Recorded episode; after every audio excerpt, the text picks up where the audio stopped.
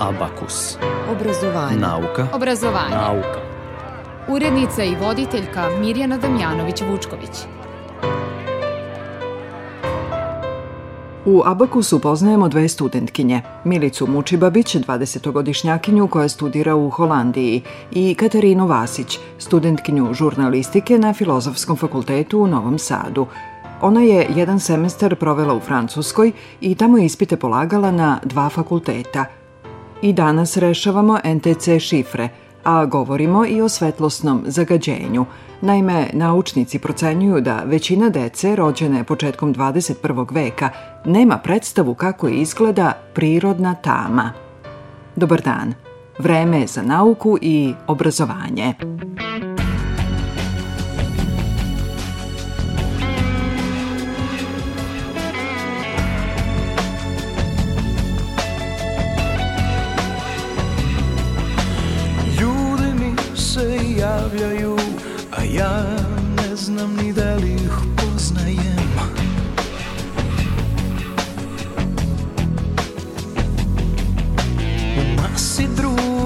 Glasova jedino tvoj muk prepoznajem.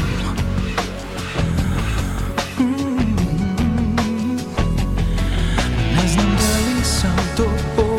ja ili sve ovo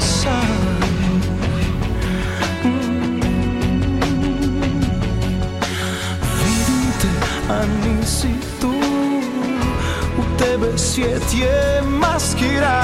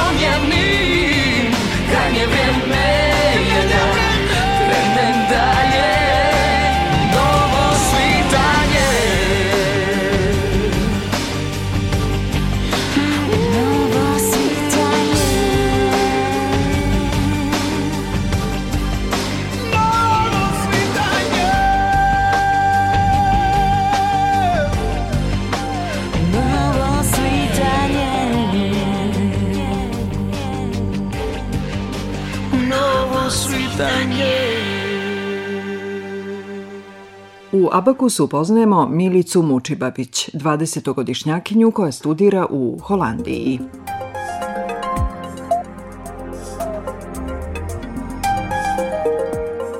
Upisala sam plesnu akademiju u Rotterdamu, a završila sam srednju baletsku školu, odsek za savremenu igru kao i gimnaziju Jovan Jovanović Zmaj. Posle završene gimnazije upisala se na Fakultet tehničkih nauka u Novom Sadu, polagala ispite i u roku dala uslov za drugu godinu. E, možda se nekad u budućnosti vratim i nastavim taj fakultet. Ali odlučila sam da a, ipak ove godine nastavim da se bavim plesom, pošto je to moja prva i najveća ljubav. Sada je studentkinja prve godine univerziteta koji je od njenog rodnog grada Novog Sada udaljen skoro 1700 kilometara. Postoji ocek za muziku, ocek za uh, ples, gde možemo da se opredelimo za predavača i za igrača. Ja sam se opredelila za igrača i takođe postoji ocek i za cirkus. Ja bih rekla da sam ja jedina iz Srbije koja je otišla na audiciju i meni se čini da postoji samo još jedna devojka koja je sada sada već žena, davno je završila tu akademiju da je ona jedina koja je, koja je e, pohađala taj univerzitet. Nema nas mnogo sa ovih prostora koji su se usudili da odu tamo. Posle audicije, najteže je bilo čekanje rezultata. Taj univerzitet u Rotterdamu je jedan od najprestižnijih ovde u Evropi uh, u toj oblasti, tako da svi koji se bave plesom u suštini znaju za, za tu plesnu akademiju. Uh, audicija je bila u aprilu i trebalo je vremena da oni zvanično uh, jave ko je prošao, kasnije ko je dobio stipendije, pošto sam dobila stipendiju za školovanje za sve četiri godine.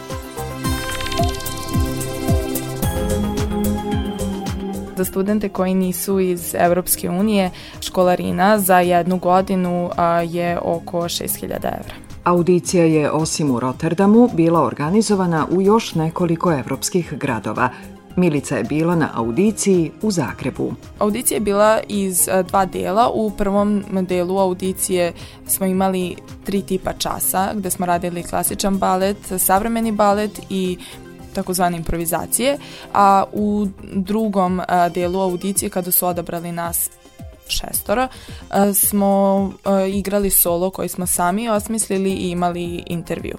Nakon čega su oni odlučili ko prolazi, prošli smo ja i još jedan dečko iz Slovenije. Na stotine prijavljenih, a primljeno ih je tek dvadesetak. Tako da je stvarno ovo velika čast biti primljena, kamoli dobiti stipendiju i videti da se stvarno tamo zalažu za tebe i sada vidim da se stvarno sve isplatilo i ovo je kao jedna kruna na čitav moj dugogodišnji rad. I za vreme studiranja, ali i posle akademije, Milicu čekaju audicije kada odemo na neke audicije za poslove dalje i kada oni vide da smo završili, završili takvu akademiju, bez sumnje se može reći da smo stvarno vrhunski igrači.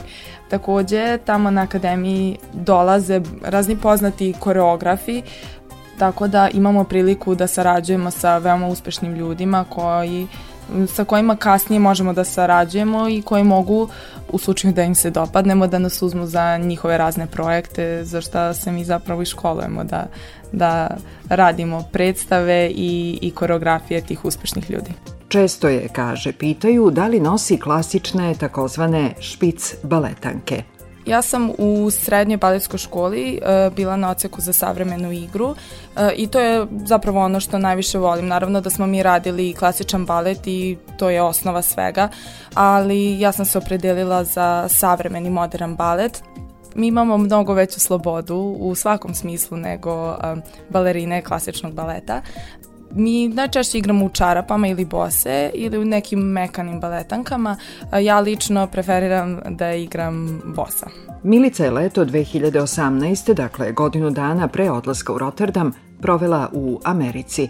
Tada je dobila stipendiju za letnju školu plesa u Salt Lake City-u. To je za mene stvarno jedno ogromno i neprocenjivo iskustvo. To je manje više bila prelomna tačka u da kažem, u mojoj plesnoj karijeri kada sam stvarno odlučila da time želim da se bavim. Nastupala je i nagrade osvajala na plesnim takmičenjima kod nas i u inostranstvu. Sa plesnim klubom Profesional u kojem sam zapravo i počela svoje prve korake, sa njima sam mnogo putovala po Balkanu. E, Sa baletskom školom sam imala priliku da odem na um, jedno prestižno takmičenje u Berlinu kao predstavnik uh, iz Srbije. Uh, takođe, za vreme srednje baletske škole dva puta se odigrava republičko takmičenje i ja sam uh, prve, prvi put, odnosno u drugoj godini, uh, osvojila nagradu laureat, to je tako reći kao iznad prvog mesta. U četvrtoj godini sam osvojila prvu nagradu, tako da stvarno sam veoma ponosna na to. Kao i na sve ostale nagrade, često sam osvajala m, specijalne nagrade za ženski talenat ili za najviše osvojenih bodova na, na takmičenju, tako da svaka, svaka je stvarno meni posebno draga.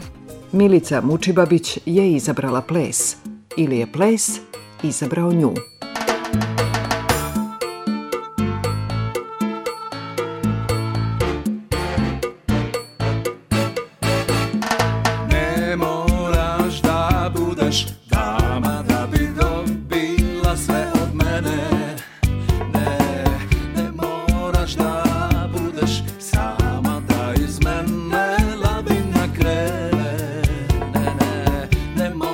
ждать.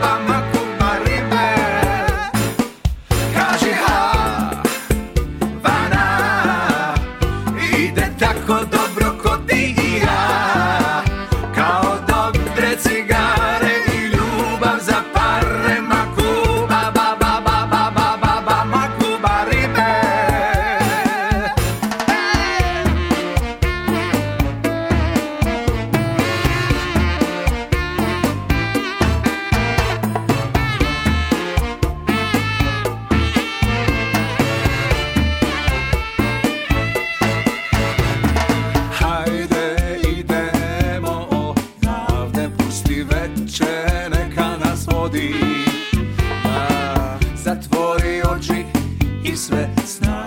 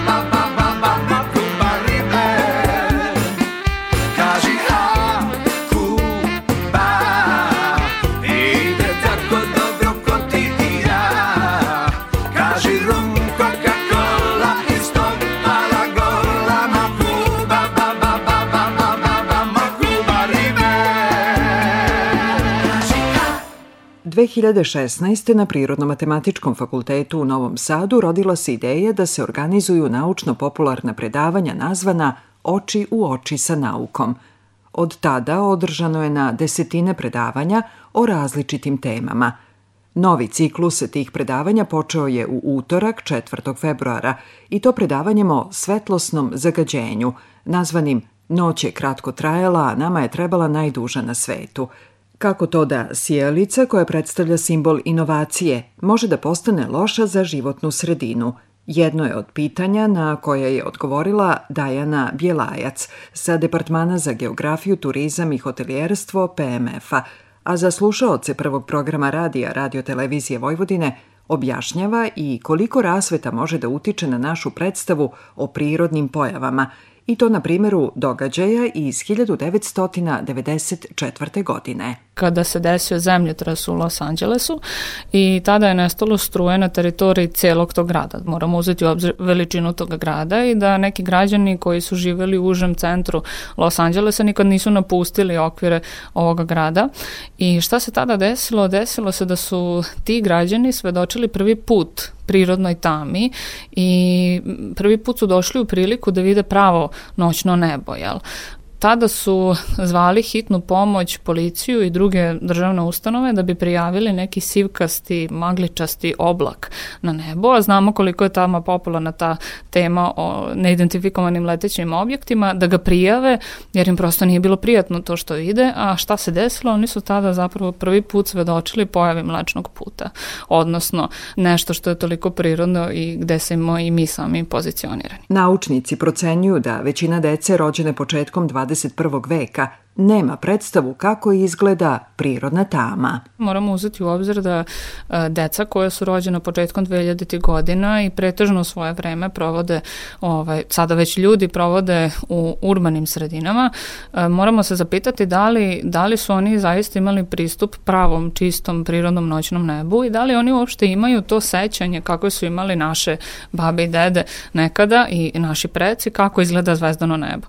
E, samim tim javlja se problem koje još nazivaju izumiranje iskustva, dakle da današnje generacije nisu svesne šta propuštaju zato što je, e, su osvetljene noćni, osvetljeni noćni sati nešto što je za njih prirodno. Dakle, jedan novi sistem po kojem mi vrednujemo dakle, našu životnu sredinu. I onda je problem kako mi da kažemo e, i da ukažemo na problem svetlosnog zagađenja kada je za nas sasvim prirodno da se krećemo noćnim satima sa potpuno onako intenzivnom, čak možda i agresivnom rasvetom i kao dnevna bića mi se to osjećamo onako prirodno, osjećamo se ugodno, a šta to čini noćnim životinjama? Veštačko osvetljenje je pogrešno usmereno i laički rečeno neadekvatne boje može da prouzrokuje značajne probleme za naše zdravlje i uopšte životnu sredinu, dodaje Dajana Bjelajac i objašnjava šta je svetlosno zagađenje ne može svetlost da se uprlja, niti svetlost nešto može da isprlja, ali uh, mi možemo da kažemo da je to izmena prirodnog nivoa svetlosti u životnoj sredini u noćnim satima. Dakle, mi imamo prirodnu svetlost koja dolazi od udaljenih e, nebeskih tela, od refleksije sunčevih zrakova, od meseci i tako dalje, ali kao što sama reč veštačka, veštačka rasveta, to je nešto što nije prirodni deo životne sredine. Na taj način mi možemo, postoji da kažemo jedna jedinica mere, odnosno uređaj sa kojim se meri po znacima navoda tamnoća neba, koliko je u stvari nebo tamno koliko je, ako poredimo neku prirodnu sredinu kao što je nacionalni park, Fruška gora recimo, i ako poredimo centar Novog Sada, dakle dobit ćemo drastično različite rezultate i s tim u vezi postoji međunarodna zajednica tamnog neba koja i proglašava te parkove tamnog neba, pa čak i rezervate gde postoje uređenje pravila i zapravo uputstva kako da vi e, definišete nivo rasveta, na koji način se rasveta postavlja ukoliko se uopšte i postavlja kako bi građani mogli u svakom trenutku da pristupe ovakvim rezervatima tamnog neba i da mogu da svedoče upravo pojavi mlečnog puta i nekim drugim astronomskim posmatranjima. U Novom Sadu postoji udruženje nazvano Carpe Noctem. S obzirom da je ovo poprilično velika nepoznanica u Srbiji i uopšte u regionu, kolega i ja i jedna studentkinja naša smo organizovali, odnosno osnovali neprofitno udruženje Carpe Noctem, e, suprotno od Carpe Diem, dakle e, iskoristimo noć u ovom slučaju i e, na taj način kroz aktivnosti ovog udruženja želimo da približimo tu prirodnu noćnu tamu ljudima tako što ćemo da ih izvedemo na Frušku goru, da prošetamo deseta kilometara u potpunoj tami u, kroz šumu, da možda i svedočimo nekoj astronomskoj pojavi poput meteorske kiše, kako nam se potrefi vreme i, kalendarski, da li nam odgovara i na taj način da prosto ljudima pokažemo da tama nije toliko strašna i da možda će čak biti u većoj opasnosti usred centra Novog Sada kada prelaze semafor nego što će to biti u šumskoj stazi na Fruškoj gori. Do sada smo organizovali dve ovakve šetnje i na prvu nam se pojavilo 240 ljudi, na drugoj je bilo 300 ljudi i sve je prošlo u najboljem mogućem redu, tako da eto, pozivamo sve zainteresovane da nas se priključe na sledećoj. E, Sledeća šetnja koju planiramo, naravno ukoliko nam vremenske prilike to dozvole, e, bit će 22. aprila. Tada je dan planete Zemlje, ali mi slavimo noć planete Zemlje i tada ćemo da napravimo jednu šetnicu koja će najverovatnije da ide putem od e, Ledinaca do Zmajevca, gde ćemo zastati, verovatno imati teleskop i neko kraće osmatranje, a onda završavamo u Rakovcu kod pećine Beli Majdan i na taj način ćemo da obeležimo prvi deo godine. Informacije o našim aktivnostima možete da dobijete na našem sajtu www.carpenoctem.rs ili na Facebook stranici takođe Carpe Noctem iskoristi noć, Instagram profilu i tako dalje. Za Radio Novi Sad je govorila Dajana Bjelajac sa Departmana za geografiju, turizam i hotelijerstvo Prirodno-matematičkog fakulteta u Novom Sadu. Njenim predavanjem o svetlosnom zagađenju počeo je novi ciklus naučno-popularnih predavanja – Da vas podsjetim, predavanja su svakog prvog utorka u mesecu u Novom Sadu u klubu Dom kulture Ignjeta Pavlasa broj 4 od 18 časova. Ulaz na predavanja je besplatan. Iznenada noć se spustila Preko krova pa u dvorište Prve zvezde čim se pojave U tvom oku nađu skrovište Opet bi krenuo Tamo kuda idem noćima Da se sklonim i da slučajno Potonem u tvojim očima. I krene sve isto ko pre kratkim talasima i osetim da dolazi plima. Na polju je vreme pogrešno, skoro da me i ne zanima. Ja bi s tobom negde otišao, pa bi tamo bili danima ti nosiš to bade me i so i u oku zrake sunca. Ti oteraš sve hladne talase da ne stignu do mog srca. Kada dan je dug mirišeš na jug i sve na dobro krene. Jer ti nosiš to Bade me i so Jer ti nosiš to Bade me i so Ja bi s tobom negde otišao Pa bi tamo bili danima.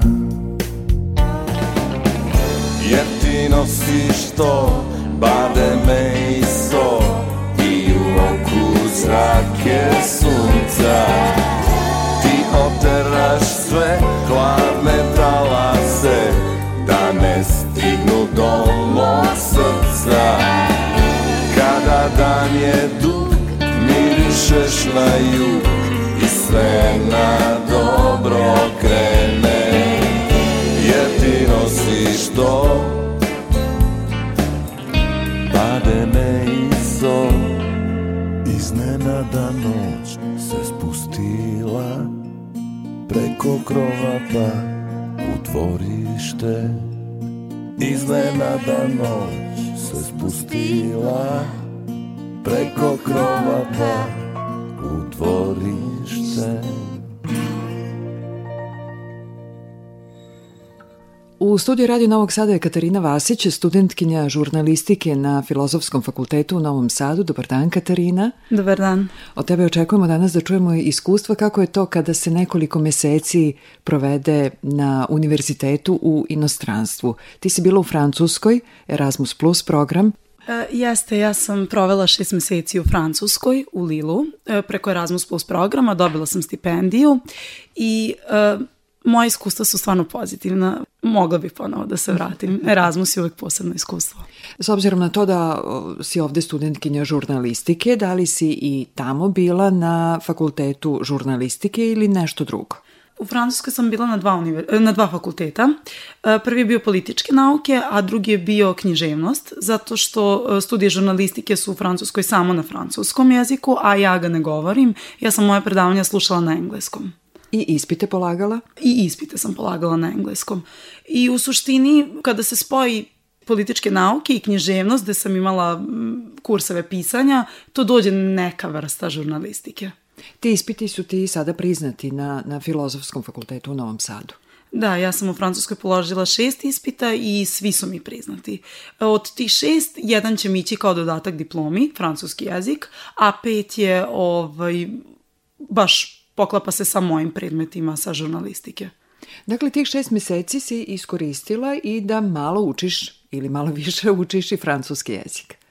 Pa zapravo da, bila sam primorana da učim francuski zato što francuzi su poznati po tome da oni, iako znaju da pričaju uh, engleski, oni ne žele, čuvaju svoju kulturu i jezik, što ja na neki način se i divim njima zato što smatram da je to dobra stvar, jer drugačije ja ne bi naučila francuski. Uh, mislim, ne govorim ja sad perfektno taj jezik, ali ulični jezik sam naučila. Jer ti gde god odeš u prodavnicu ne možeš drugačije. Naprimer, prvi dan sam se izgubila u Ikeji zato što nigde nije bio znak exit na engleskom, onaj zeleni znak što svi, što svi ovaj, u svim državama može da se nađe u radnjama. E pa ovde nema. Ovde je bio samo sorti na francuskom. E, Tih šest meseci si iskoristila i da naučiš francuski, da položiš šesti ispita, mnogo toga da naučiš, ali mislim da si mi rekla i pre ulaska u studio da si putovala i to ne samo po Francuskoj, nego još po nekim zemljama. Pa jeste. Za tih šest meseci. Da, da, da, da. Pa puno sam putovala zato što generalno lokacija Lila je da je on u centru Evrope. Sve je blizu. Meni je Brisel bio udaljen sat i po vremena. Meni je Luksemburg bio udaljen tri sata, pa sam i to obišla. To sve vozom? E, autobusom. Autobusom ili prijatelji koji imaju kola, pa iznajmimo kola, pa sednemo, pa se odvezemo, pošto svi smo punoletni, svi imamo položeno. E, išla sam do Pariza, Normandiju sam cijelo obišla, e, Mont Saint-Michel, e, Rennes, e, San Malo, to, to su sve gradovi koje sam videla. Bila sam u Švajcarskoj, zato što me kolega sa univerziteta pozvao na raspustu da, bud, da dođem kod njega u goste, a Ženeva, Pariz ima maltene kao taksi let koji je jako jeftin i, i brzo se stigne sam, za samo sat vremena. E, bila sam i na kraju moje razmene sam otišla i u Maroko. Tamo sam išla na turu u pet dana, ali je zanimljivo bilo da sam išla sa španskom turom, zato što moja najbolja drugarica iz Francuske je bila Meksikanka. I onda smo se mi prijavili za tu neku špansku turu išli smo u Maroko, iako ja ne govorim španski, ali je bilo urnebesno. I svi su bili Argentinci, na toj turi Španci, Mek e, Meksikanci i dva Bugara i ja. Mi smo izgleda lutali Balkanci tamo i stva- stva- stvarno je bilo e, jako lepo. Neprocenjivo iskustvo, rekla bih. Da li bi ponovila? Pa svakako da bi ponovila, ali mislim da kogod ode na razmenu ne treba da ima nikakva očekivanja, zato što svaka razmena je drugačija, svaka država, svaki grad donosi nešto drugačije i neko novo iskustvo. Tako da mislim da ne treba da ljudi kada idu na razmenu imaju zacrtan cilj, ja idem zbog toga i toga, nego jednostavno treba da se prilagode, da vide šta je životni stil, šta je ono što može da ti ponudi taj grad i da se to i onda da to uzmeš i da iskoristiš. Pošto na primer Lil nije imao noćni život, ja nisam imala lude žurke tamo, kao što na primer znam iskustva od mojih prijatelja koji su bili u Poljskoj dok, ili u Španiji, koje su poznate po žurkama i po izlascima, ali zato je li lokacija grada gde sam ja mogla lako da obiđem tri, četiri države. U Nemačkoj, na primjer, nisam bila, ali je isto Nemačka granica sa Nemačkom udaljena 2-3 sata od Lila bila kolima. Upoznala si studente iz koliko zemalja? Iz jako puno zemalja. Iz jako puno zemalja. Ja bih rekla da u Lilu se nekako stvorilo neko internacionalno okruženje. Tamo nije bilo evropljana. Malo italijana, malo španaca. Njima su najveći broj studenta iz Azije, to su kinezi, japanci, koreanci. Uh, onda zatim Meksikanci, ovde iz Amerike, iz Sjedinjenih američkih država i jako puno studenta iz Brazila. To mi je bilo ono iznenađenje. I zapravo tek kada odeš tamo, iako si ti sve te ljude video na filmovima i kako oni izgledaju, sve to nije isto dok ti nemaš... Gde bi ja imala priliku u Srbiji da upoznam jednu Koreanku ili jednog Brazilca? I da li ste u kontaktu? Jesmo u kontaktu, smo, baš sam se juče čula sa tim mojim drugom iz Brazila, on je još uvek u Francuskoj, pošto njihove razmene su glavna godinu dana, jer je daleko, pa im se ne isplati da dolaze kraće, svakako je lepo da smo ostali u kontaktu. Za oni koji ne znaju kako funkcioniše taj e, program Erasmus+, da kažemo da si ti za tih šest meseci boravka u Francuskoj dobijala mesečnu stipendiju. Da li je to bilo dovoljno da se pokriju troškovi boravka u, u Francuskoj? Jeste, ja sam dobijala mesečno 850 evra. E sad Erasmus plus stipendije nisu sve 850 evra, zavisi od države u koju ideš. Kreću se od 700 do 900. I, ako, i zavisi, mislim, ako hoćeš da ideš u Rumuniju, nećeš dobiti 850, dobit ćeš 700, što je za Rumuniju, na primjer, i više nego dovoljno. Ja sam za Francusku konkretno dobijala 850 mesečno i iskreno sa studentskim načinom života i popustima koje ta država daje, meni je bilo dovoljno da se pokrijem, ali sva moja putovanja i sve te neke dodatne e, stvari koje sam ja radila su ipak moji roditelji malo pomagali i uskakali.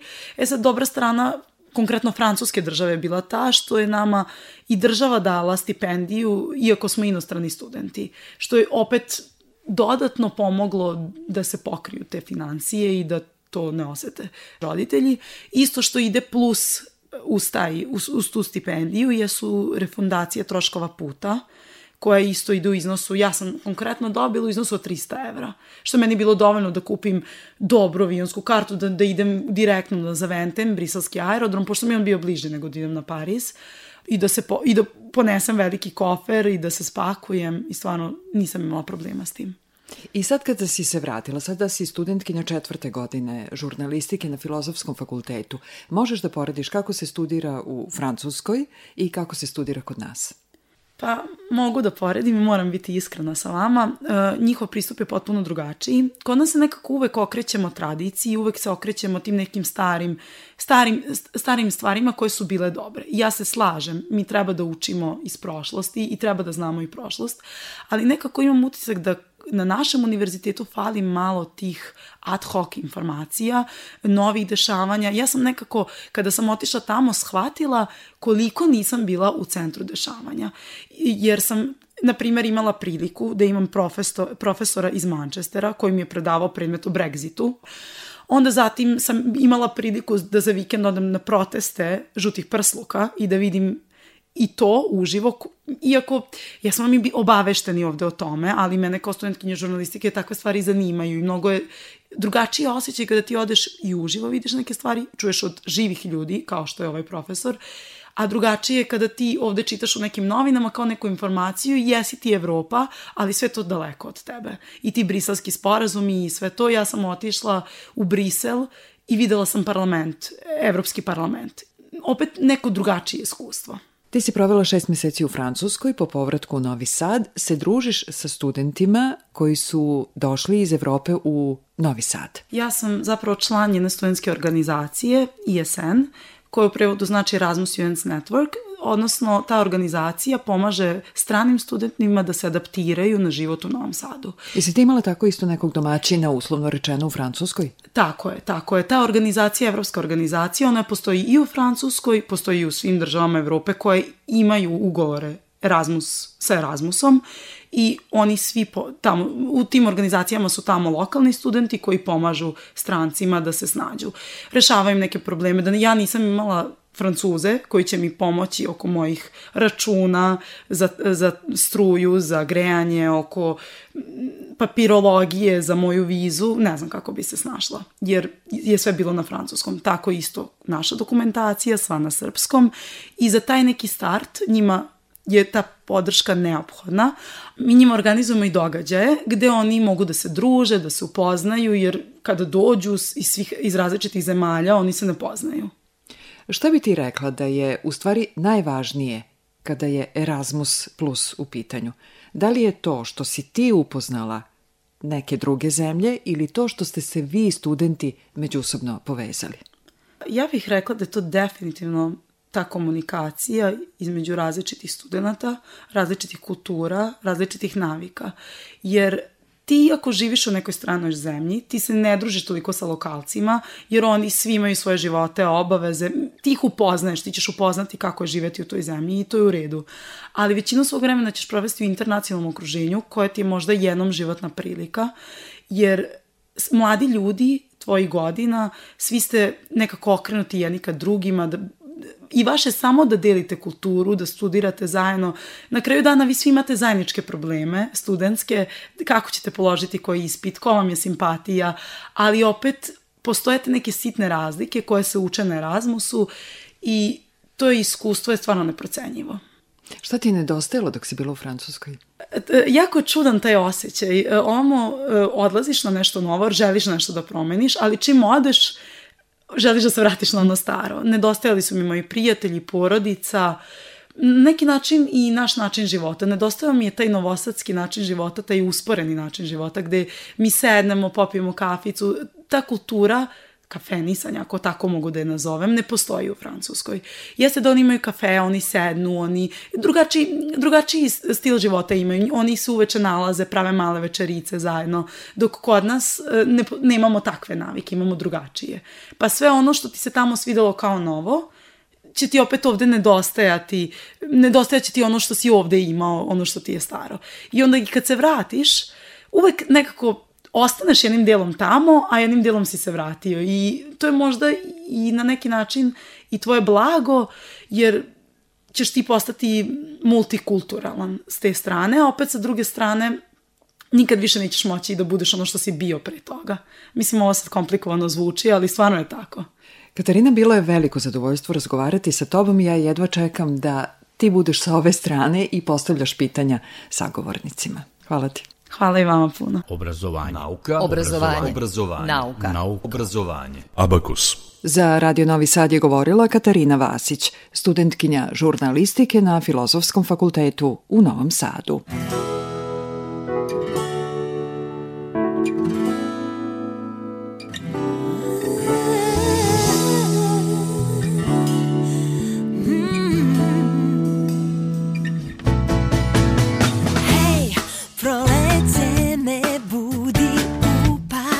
Kroz prozore.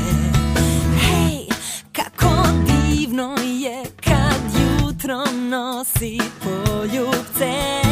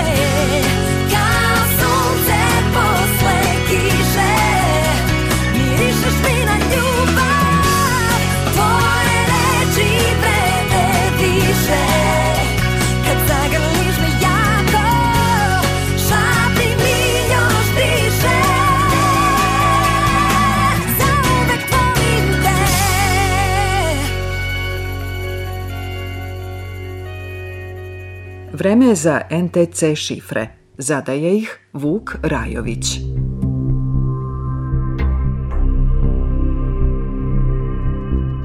Za sve one koji prvi put e, rešavaju NTC šifre, objasnit ću još jednom pravila e, ove igre. E, Dakle, dajemo tri reči i trocifren broj. Svaki broj se odnosi na jednu reč, ako su reči, na primjer, prozor, uvala, terasa, a šifra 111, uzimamo po prvo slovo od svake reči i rešenje nam je put. E, ako ovo napišemo na papiru, vrlo je lako za rešavanje, a smisao ovih šifri je da pokrenemo mislone procese e, i, vrlo je interesantno vidjeti da i deca već sa 7-8 godina mogu uspešno da rešavaju šifre prvog nivoa bez pisanja. Dakle, potrebno je vežbati, a koja su pravila e, kojih se treba pridržavati prilikom igranja šifri. E, Prvo pravilo i najbitnije je da onom kome se čita šifra ne zapisuje ništa, dakle sve pamti u glavi i pokušava da iskombinuje brojeve sa slovima. Pravilo broj 2, ako igra više ljudi, to bude vrlo interesantno takmičenje kada se napravi. Može, na primjer, evo ja sastavljam šifru, a vas troje rešava i onda to ko se prvi javi da predlog rešenja i to obeležimo bodove, to je super. Uh, u školi kad primenjujemo ove šifre, deca se obično dosete kad igraju ekipama da svako zapamti po jednu reč i po jedan broj, to jeste kao timski rad i u redu je, ali je ovde smisao da svako za sebe pokuša da e, dođe do rešenja. I treće pravilo da nema prekidanja, odnosno ako ja čitam e, na času šifru ili deci ili međusobno kada se takmičimo, e, kada pročitam, zato je potrebno 10 sekundi tišine da svako za sebe razmisli i proba da reši, jer to je pravilo iskustveno došlo, dešava se da čitamo šifru i onda deca posle dve sekunde, "E, koja je druga reč, E, koja je treća, ponovite šifru i onda oni koji razmišljaju, koji su možda zapamtili reči, budu dekoncentrisani i ne mogu da uspešno reče. Dakle, to su tri pravila kojih se uvek treba pridržavati a i u sledećem abokusu ću vam postavljati NTC šifre i podsjetiti vas e, na pravila kojih je potrebno da se pridržavamo kada se igramo ove igre.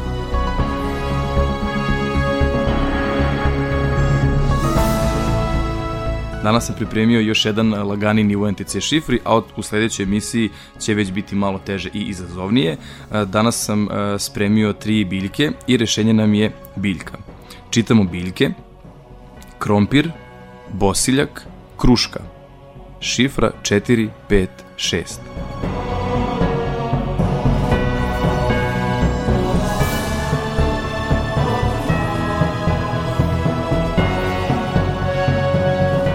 Rešenje ove šifre je mak, ukoliko ste ispod 10 sekundi rešili svaka čast, ukoliko niste, slobodno možete vežbati. Ova šifra je za nijansu teža od prethodnih kada smo isto čitali biljke, iz razloga što je šifra sa većim brojevima.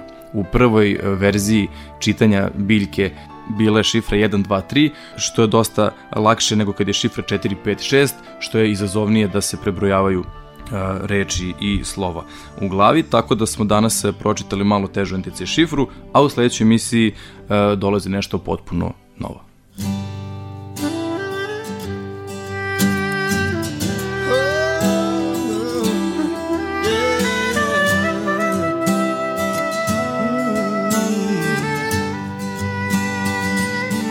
Oprosti što volim te Ljubav ne smijem da ti dam Oprosti što zovem I otimam ti san. Oprosti što vjerujem I kad sumnja muči nas. Oprosti kad čuješ zvono I slutiš da sam ja. Oprosti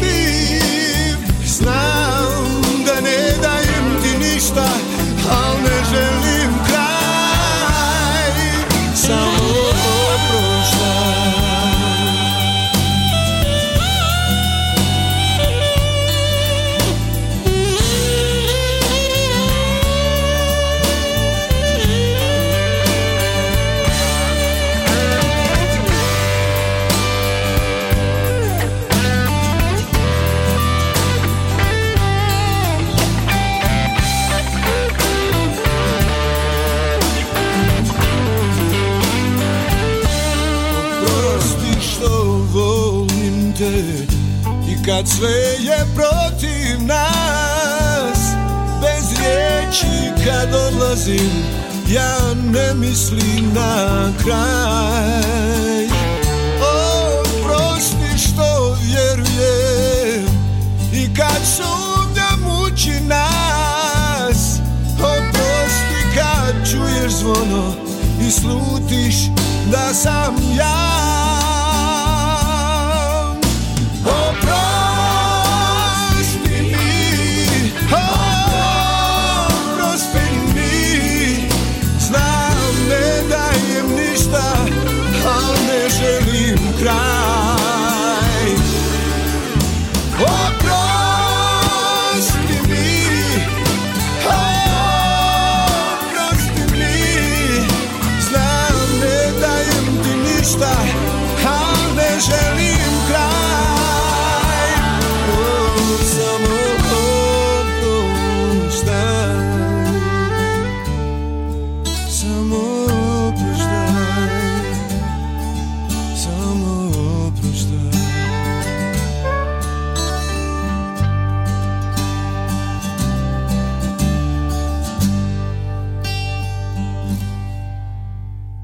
Bilo bi to sve u današnjem Abakusu. Potpisuju ga Zlatoje Čolović, Zoran Gajinov i Mirjana Damjanović-Vučković.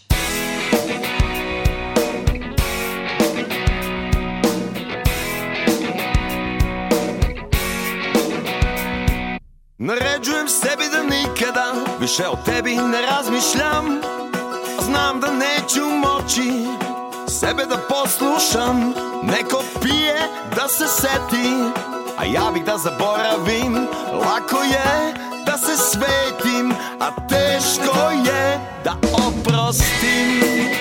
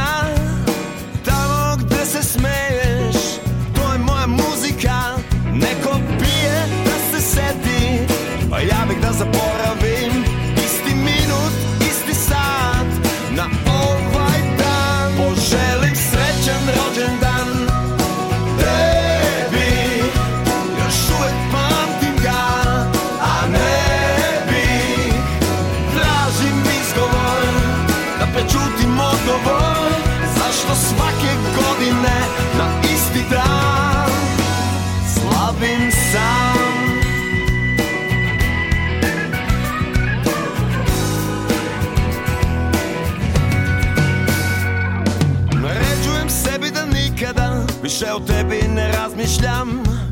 Аз знам да не има шансе. Сърце чути, док не откуцам Исти про